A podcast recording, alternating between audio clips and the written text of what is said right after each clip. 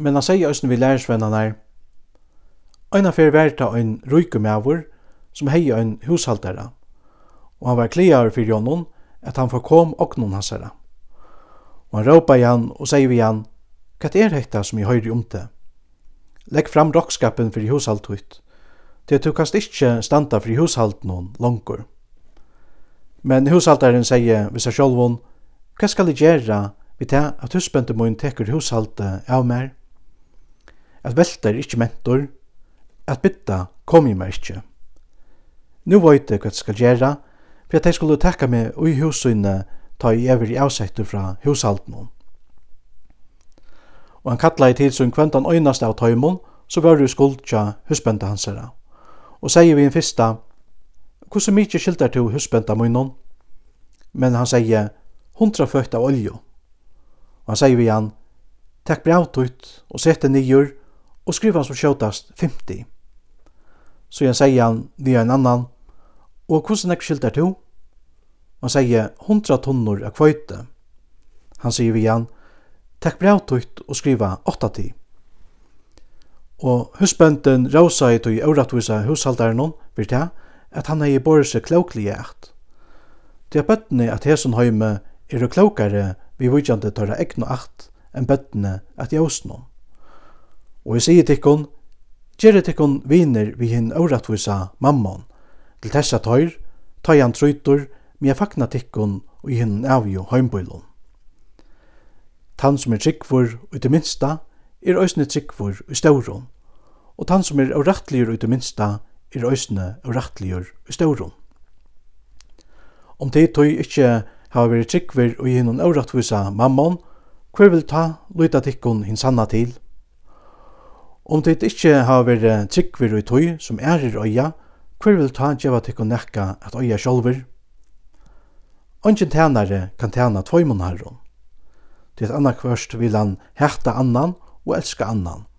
Etla vil han halda seg at rett øron og vannvira annan. Tikk kun ikkje tæna gode og mammon.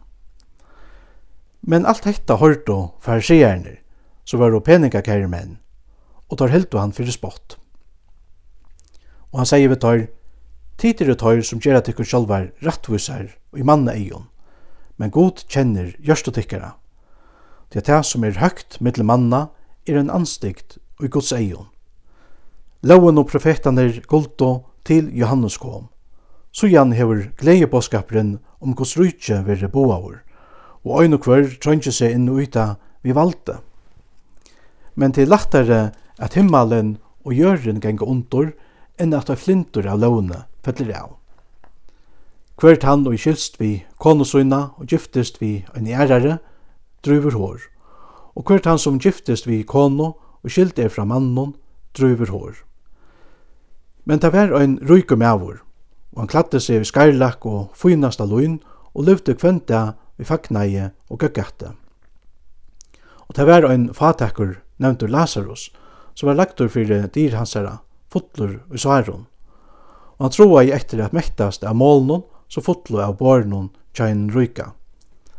Men òsni hundane komo og slokto sær hansera. Så bara at hinn fatakki døye, og han vær av ønklenon borren og feng Abrahams. Og hinn rykje døye vi og før til grevar. Og da han lett eie søgne opp i Helheime, her som han vær og i Pyno, ser han Abraham lengt bostor, og Lazarus, i hansara. Og han råpaði og segja, Fægir Abraham, miskunna mer, og send Lazarus, at han kan drepa ytsta lien av fingresunnen i vakten, og svela tungumina, til at det pynes rævliga og Jesu loa. Men Abraham segja, minst to til, sonur, at du hefur nått tutt gaua, medan du levde, og Lazarus og samme hatt hitt ønda. Men nu vil han oppgaver her, og to pynest. Og omframt alt hetta er mittlen okkara og tykkara stafest og et oførst dype til tessa tei så vilja færa hiane i vil tykkara ikkje skulle kunna og at tei hiane ikkje heldur skulle færa hiar til okkara. Men han sier, så bygger jeg til fægir at du vilt senda han i fægirsmus hus, til at jeg øye fem prøver til tess at han kan vera vittne fyrir tøymon, så tar ikkje vi skulle koma i hentan pynesdag. Men Abraham sier, tør hava Moses og profetaner, loje tar at høyr. Men han sier, nøy feir Abraham, men hei onkur fra hinnon deg jo komi til tørra, ta mond og tør vent om.